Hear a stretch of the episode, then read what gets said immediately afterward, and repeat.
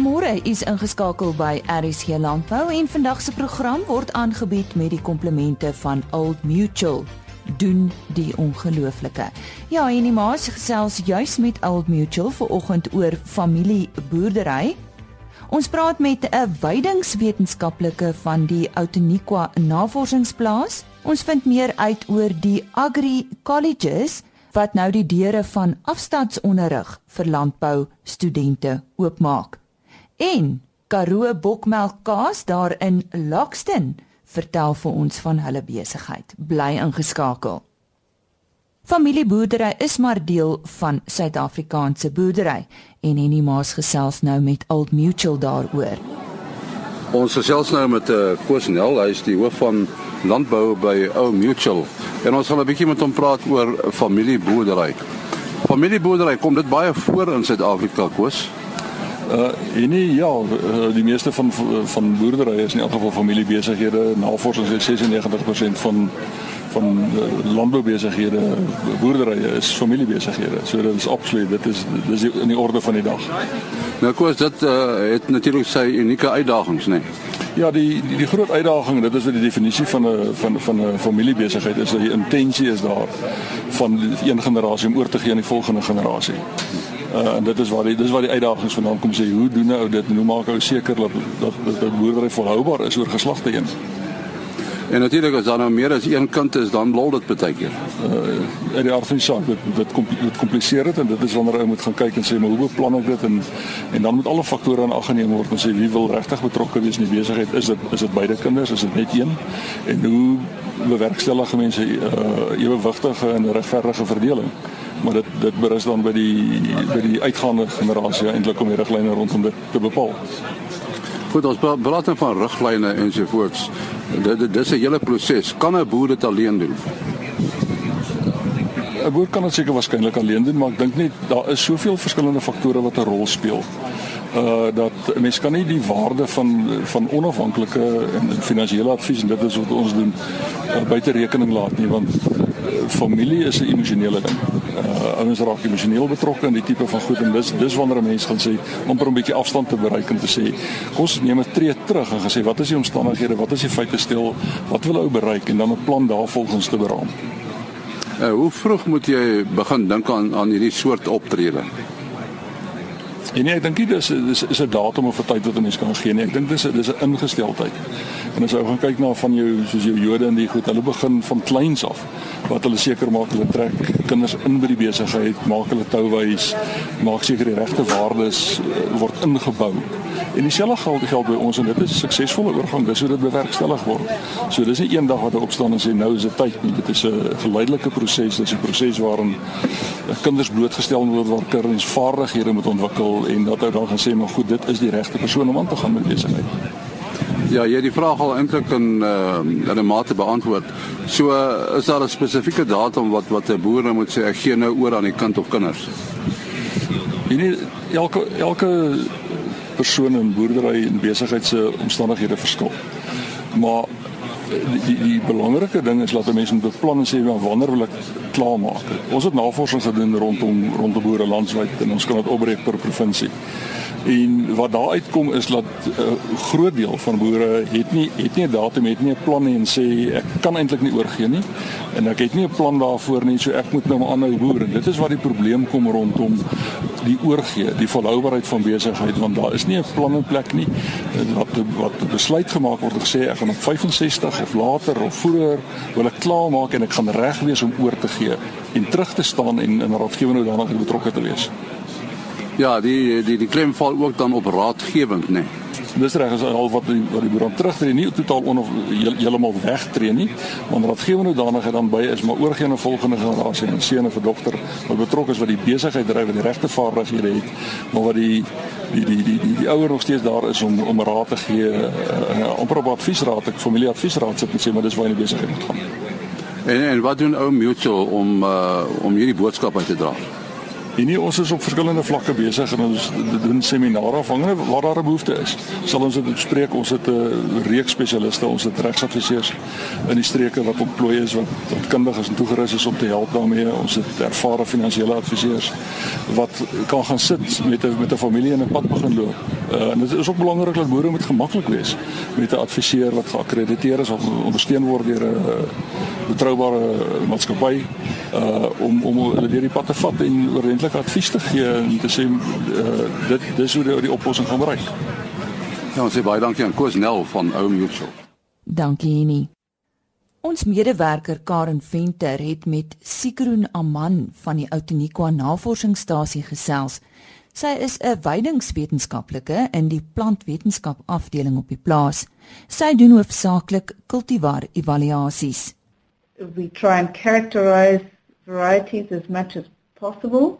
Uh, we look at yield, we look at various other traits that are important for farmers to make it a good choice uh, in terms of combining varieties so that they can uh, have a consistent fodder flow throughout the year. Hulle doen navorsing op spesies van belang vir juis die suiwelboer. Verskeie aspekte soos siekteweerstand, volhoubaarheid en gehalte word ondersoek. We try and promote the use of um, new varieties with modern genetics which are generally the more productive varieties. Uh, they obviously need to be the ones that are adapted to our climate. Uh, a lot of varieties, or most of the varieties, grass varieties that are nowadays available in South Africa are bred in other parts of the world, um, sometimes in very different climates to what we have. So adaptability to our climate is very important. Raad oor watter spesies gekombineer kan word vir die beste veiding op jou plaas, as ook natuurlik grondgesondheid vorm deel van die raad wat hulle verskaf. And we also try and make sure that we look at uh, species that sometimes new species that become relevant such as uh, forage herbs, chicory and plantain which are now starting to be used by farmers and then it is our function to make sure that we uh, provide information on not only the varieties but also how these species can be accommodated with the, in the existing systems and how they can best be used to make a contribution to the pastures. Sigrun Aman het vroeër gepraat van chicory of sigurei. Sy verduidelik wat se rol dit in voeding speel. Okay, so the chicory is mainly uh, has been developed in in uh, in New Zealand mainly, but also in Europe as what is called a special purpose crop. So it would mainly be planted as a monospecific stand or in combination with plantain and red clover and then grazed um, as such. But our challenge is that uh, our farmers would like the chicory to be part of the multi-species grass pasture uh, rather than to be planted separately as a special purpose crop. Um, so that is how the use of chicory started um, a few years ago on the farms with uh, people trying to introduce a very high forage quality element to the grass pasture.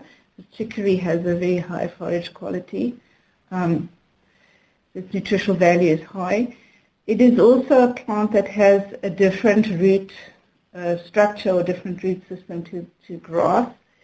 So it roots has deep roots, so it accesses a different soil layer to what the grass, especially the ryegrass, accesses. So if there are nutrients that now leach past the grass root zone, they can be picked up by the chicory. And I think all these things have added to chicory becoming part of, of what farmers would like to use. Die beste manier vir 'n produsent om met hulle kontak te maak is om spesifiek vir haar 'n e-pos te stuur. Sy is sigroen@elsenburg.com en die sigroen word gespel S I G R U N. Dit is dan sigroen@elsenburg.com. Voor ons voortgaan met ons program, ons herinner u net daaraan dat u baie welkom is om na die potgoeie te gaan luister op die gewone RSG webtuiste www.rsg.co.za. As ook die volgende webtuiste, daar word die onderhoude apart gelaai en dit is www.agriorbit.com. Ons uh, gaan nou oor 'n interessante konsep praat en dit is uh, om landbou te leer met hulp van die internet. Ons praat met uh, Howard Blight van Agri Colleges en uh, ons wil 'n bietjie meer uitvind by hom waaroor gaan dit presies. Howard, uh, hoe werk dit presies as dit nou aanlyn is wat mense kan leer oor landbou? Ons sien daar's 'n redelike tekorting van personeel, opgeleide, goeie opgeleide personeel wat na die landboubedryf aankom. Daar's wel goeie mense met degrees om so te sê by die universiteite die wat landboufakulteite het. Maar die colleges raak nou bietjie agter en met die die die kwaliteit van hulle kursuswerk en hulle bevorder nie genoeg studente opgeleide mense tot in die bedrywe. En die koste van hierdie ons het gesê die bricks and mortar konsep word nou heel wat duurder as online um studying. So ons het nou die konsep ontwerp um op die wolk, 'n cloud-based platform. Met wat ons noem shared learning en blended learning. Die student leer op sy uh, mobile device op sy smartphone en nadat hy die klaar geleer het moet hy natuurlik heel wat van die konsepte in die praktyk sit. So ons het nou centers of excellence om so te sê en ons is nou in gesprek met uh, die skool Marenski skool in Zanin sal die eerste hopelik die eerste center of excellence. Maar die student kan wel miskien een keer in die maand soontoe gaan om van die praktyk te leer volgens hulle opleidingskursus. As hierdie nou op pa opgeleide gesertifiseerde studente na die plase toe kom om werk te soek, hulle goeie kennis net nie net nie net met die konsep van akademiese uh kant van die studeerprogram maar ook 'n uh, redelike goeie pra pra practical application of the study work dat 'n goeie opgeleide gebalanseerde opgeleide 'n uh, persoon sou wees as dit reg sou op die plase Ja, jy praat daarvan dat eh uh, dat die eh uh, organisasie internasionaal werk. Hoe pas julle die kursusse aan by die spesifieke land? Ek dink nou Suid-Afrika het ander omstandighede as byvoorbeeld Indië of ander lande. When it's on the cloud, then it's available enige tyd 24/7. Waar ook al jy lewe en bly, maar jy moet akses na die internet natuurlik moet hê. So daar sal en soos hulle nou begin is om te vestig hotspots. Ja, die regering is agter die hele storie. Jy weet nou as jy na Pretoria toe ry, dan as jy onmiddellik na Tshwane toe ry, is onmiddellik as jy weet jy uh, internet connectivity. So dit sal nou gebeur waar hierdie hotspot sou gevestig wees in die dorpe en die stede ehm um, die landwyd. En alhoewel al die kommersiële plase wel al reeds hulle eie wifi senters het. Ehm um, sal studente en ook plaaswerkers die moontlikheid kry om na aan die internet te gaan en te studeer deur Agricolleges International. Uh op wie is die uh die kursusse eintlik gemik? Die die, die kursusse is gemik vir al na studente wat nou hulle klaar hulle matriek geskryf het en ook van dit ehm um, 10 die ou standaard uit. En dit gemik aan hierdie mense maar tot op, op tot op datum min hoop het want jy het gesien verlede jaar en hierdie nou wat uh, Januarie maand hoe oversubscribed om so te sê is al die universiteite met die aansoek van studente wat glad, glad nie 'n plek kan kry. And this waar die cloud-based e-learning concept tot it comes into its own because any number of students the scalability of van die program is tot op van 1000 tot 10000 of 100000 mense dit maak nie saak nie. Want is op nie, op die cloud en daar's nie kampusse waar hulle moet om in die klas te gaan sit. En die studente self sal opgelei uh, word om om om goed goed vir te verduidelik hoe om deur 'n cloud-based platform te studeer. Nou goed, uh, is daar 'n webwerf waar mense inligting kan kry? agricologist.com. Daar is 'n webwerf, dit is ons net in die begin. En ons het die eerste kursus wat ons nou klaar ontwikkel het maar hulle moet nou eers geakkrediteer word. En ons hulle ons mag nie die kursusse aanbied voor die akkreditasieproses nou klaar is. En daar daarna kry ons registrasie en daarna mag ons registreer die die studente registreer so op die oomblik. Dis net nou nie 'n uh, 'n uh, um, awareness program om so te sê van Agriculture International, maar ons ons het klaar 'n uh, database begin. So die wat sal wel wou deur ons studeer hooplik in in in 2018. Ons vat hulle details en ons uh, begin met 'n 'n nuusbrief, 'n maandelike nuusbrief. En sodra ons al die die klant die akkreditering proses deurgeloop het en ons 'n registrering gekry, dan sal ons begin. En hopelik erns hier in 2018. Nou ja, ons sê baie dankie aan Howard Blight van Agri Colleges International. Ek het by die Suid-Afrikaanse Kaasfees vir Estelani Maree raak geloop. Sy is kaasmaker by Karoo Bokmelkprodukte in Lockston en 'n oud Burgundy uitruil student. Sy vertel ons van haar loopbaan. Ek het eers kaas begin maak toe ek 39 jaar oud was. So ek was baie gelukkig geweest om gekies te word in 2007.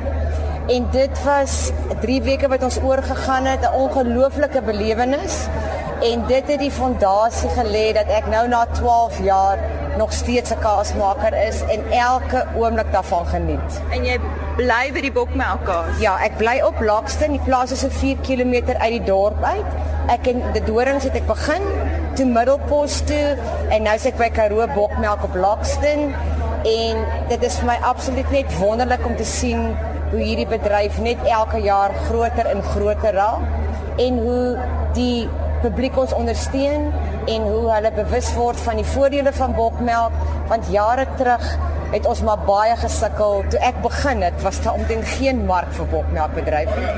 Ehm um, en danksy die kaasfees staan die mense hulle proe jy kan sien hoe hulle dit geniet en dit is absoluut net al die harde werk jy moet werk. Hoeveel jare is jy al deel van hierdie kaasfees? Ehm um, Karoo self is ons uh 5de jaar uh, maar is my 12de jaar. Sure, sure. En selfs die kaasfees as jy kyk na wat rondom jou aangaan, dit groei net elke jaar. In hierdie industrie word kaas maak nie net 'n mode nie. Weet jy vir ons glad nie, veral in die bokmelkbedryf omdat ons klein is, uh word al die kaas nog handgemaak. En dit gee vir jou net daai ekstra passie vir die produk en oral waar jy sien melk mense 10 of 20 bokke en hulle maak hulle eie tipe kaas. En omdat jy met bokmelk enige kaas basies kan maak is dit vir jou baie maklik om die kaas jou eie te maak.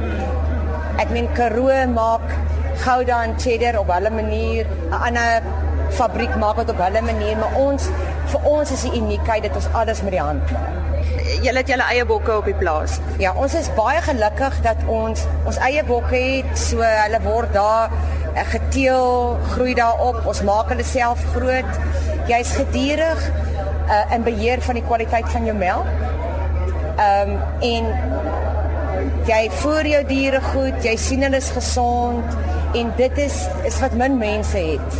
En by vanjaar se uh uh, suiwelkampioenskappe het julle 'n paar kase ingeskryf? Oh, ons het hierdie jaar heeltemal uit die bus uitgeval, maar eintlik het ons dit die ander kans gegee, maar ons Pecorino het aan 'n derde plek gekry. Maar ek sê altyd vir die kaasmaker en vir my personeel, ek is net jammer hulle kan nie agter die toonbank staan by die kaasfees om te sien eintlik is alles die beste. Ons is nou nie eintlik 'n kaasland nie. As jy dink aan kaas, dan dink jy nou maar aan Nederland of jy dink aan aan aan tot Frankryk of of Italië. Ehm um, as jy nou moet kyk en jy jy was nou al in ander dele van die wêreld. Hoe hoe dink jy hoe gaan dit met ons kaas in Suid-Afrika? Weet jy as ek ek gaan nou net as ek die bokmelk ja. self vat. Ja. My persoonlike ondervinding is toe ek in Frankryk was. Die Europeërs hou van 'n baie sterk bokmelksmaak. Die Suid-Afrikaanse verbruiker is nie gewoond aan dit. Ek wou sê hy ken dit dalk net nie. Dis reg, ja. So vir ons, ehm um, ons verkoop kase wat jonger is. Uh, ten spyte van die feit dat ons nog klein is en ons kry nie kans om die kaas te verouder nie, het ons net gevind dat ehm um, mense hou daarvan. Hy moenie vir hulle na 'n boks maak nie, maar hulle baie keer verwar hulle dit met 'n verouderde bokmelk smaak. Maar dit is hoe die Europeërs dit eet. Hulle sal byvoorbeeld, ek meen ons kry hier by die kaas wees. Uh mense wat byvoorbeeld 'n Gouda 'n cheddar proe en dan sê maar it's mild. Maar vir die Suid-Afrikaner is dit weer, jy weet hoe oud is die kaas? Jy sê hy moet seker 4, 5 maande oud wees en omdat 'n groot deel van ons kliëntebasis is kinders wat allergies is vir beesmelk. So met ander woorde, dis hoekom ons 'n Gouda het, 'n cheddar het, want dit is wat kinders eet. En halloumi ook. Ehm uh, so ons kyk in Suid-Afrika dink ek veral in die bokmelkbedryf, kyk ons na wat die Suid-Afrikaanse verbruiker van hou. Dit help nie ons wil ehm um, jy weet jy kry byvoorbeeld kulture, cinema, hulle paase en sien wat jy sal by beeskaase gooi gooi om dit 'n sterker smaak te kry. Kan jy nie by bok nie. Want bok het 'n natuurlike lipase en sien in sy melk. So dan dan kry jy hierdie hierdie te sterkte erg anders te smaak. Maar vir ons ehm um, ons is in Checkers en Pick n Pay en dit is waar ma's gaan koop vir die kinders wat allergies is en en mense wat gesondheidsbewus is siekes ehm uh, nie beesmelk kan gebruik nie, maar die mark groei en vir ons is dit net om elke jaar iets anders op die mark te kry sodat ons die die produkte lyne kan laat groei. Maar vir Karoo is die mild bokmelk kaas is dit wat ons verkoop. En vir jou as persoon wat 'n kaasmaker is van bokmelk kaas, wat is vir jou nou die lekkerste kaas om te maak? En dit gaan nie oor die smaak nie, dit gaan oor daai daai jy weet mos mense kry 'n passie as jy ietsie doen. Wat is waar lê jou passie? Weet jy Halloumi is my groot passie. Ehm um, want ons het al die jare kwaliteit gekry, SA champions en ek kyk as die mense hier by ons proe. Dis net wonderlik om te sien hoe hulle reg. Dis die enigste kaas as hulle proe, dan vat hulle 'n tweede stuk en dit is vir my absoluut wonderlik. Maar halloumi is my groot passie. Ehm um, en dan natuurlik ook ons het die sagte uh, kaasballetjie, maar baie mense maak sagte kaas, maar halloumi is is my passie. Die kaasmaker by Karoo Bokmelkprodukte in Lockston, Estelani Marie. En nou gaan kuier ons weer daar by Nampo 2017 by die afslaers. Marike Brits, ons medewerker, het daar by die veilinge gaan inloer. Uh, my naam is Steven Matthews. Ek is 'n uh, vryskut afslaer. Ek bly in die Noordwes provinsie naby Lichtenburg. Um, ek uh, is meestal betrokke met stoetvee veilinge sowel as wild. Um, ons is vandag deel van die jong internasionale uh, afslaerskompetisie en uh, ons het ouens gehad van Argentinië, Namibië en Amerika en uh, sover is dit die eerste dag van 3 en dit is 'n uh, baie baie waardevolle ervaring sover gewees. Okay. Wat is jou indruk van hulle afsluitvermoë? Ek moet sê, ehm um, dit is vir my fantasties. Ek dink die ouens is is regtig, dis 'n hoë standaard uh, vir al die ou wat van Amerika afkom. Ehm um, hy's ook 'n kampioen daarso en uh, ek meen daai ouens is half die vaderland van van afslaers en en so baie lekker om by hom te leer en en wat ongelooflik vir van die Amerikaners is is maar hulle ritme.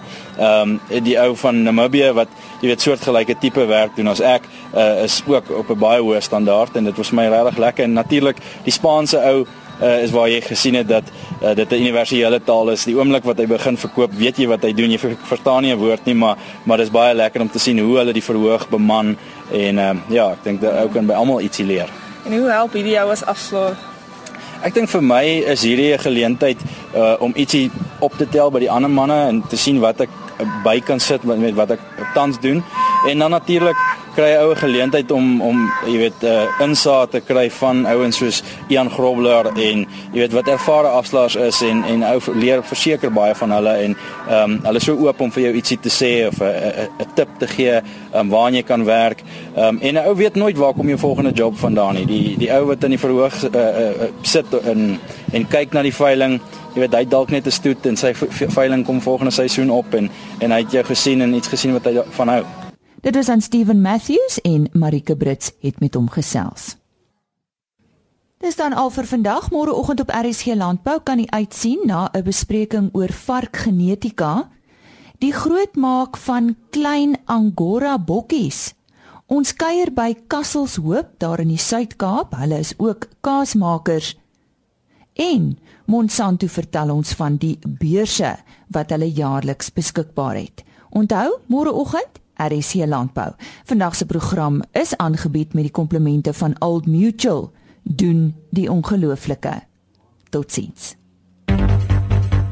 RSC Landbou is 'n produksie van Blast Publishing. Produksieregisseur Henny Maas. Aanbieding Lisa Roberts en 'n notas koördineerder Jolande Rooi.